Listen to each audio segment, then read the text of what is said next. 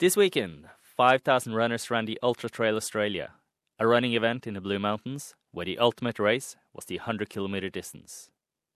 Australian David Byrne battled through to fourth as best placed Australian. I talked to him shortly after finishing the race.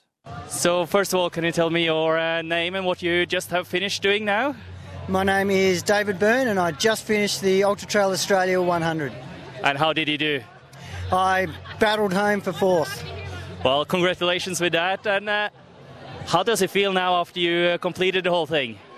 Uh, to be honest, it's a huge relief. It's um, a lot of times in these races you, you, you feel pretty good early, and or you you know and you battle all day. And I had a, I had a really tough day out, but it's a relief in that you're running scared for so long because you're thinking someone's going to get you. They're coming from behind, so it's like eight hours of being horrified.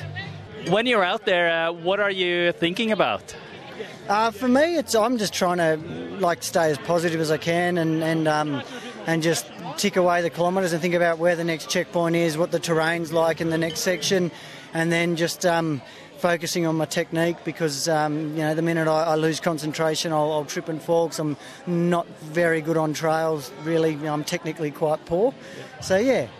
How do you train for a race like this? I mean, it is far. Yeah, look, I, I, I am sort of like a moderate mileage guy, not a high mileage guy. I live in the middle of Sydney, which is a bit of an issue. I have no hills, no trails, nothing. I just run around the roads.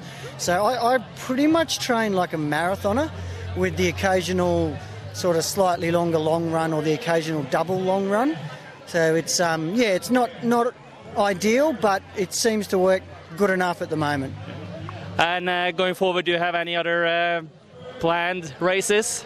Yeah, look, I've got uh, five weeks from now. I'm running Western States, so that's kind of like the dream. It, it, it's actually a shock. I got in. I thought I'd, I, I didn't think I'd get in, and I was hoping to get in next year. So uh, I've got five weeks to recover for that one. Well, good luck with that one, and again, congratulations with your efforts. Thank you. Thanks a lot.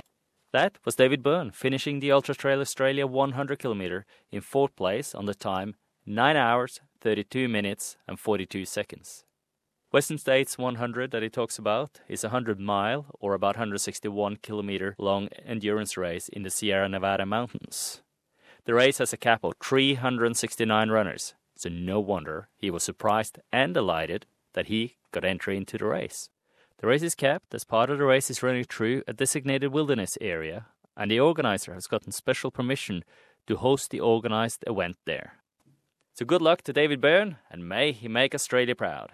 On SBS Radio, I'm Frank Matheson.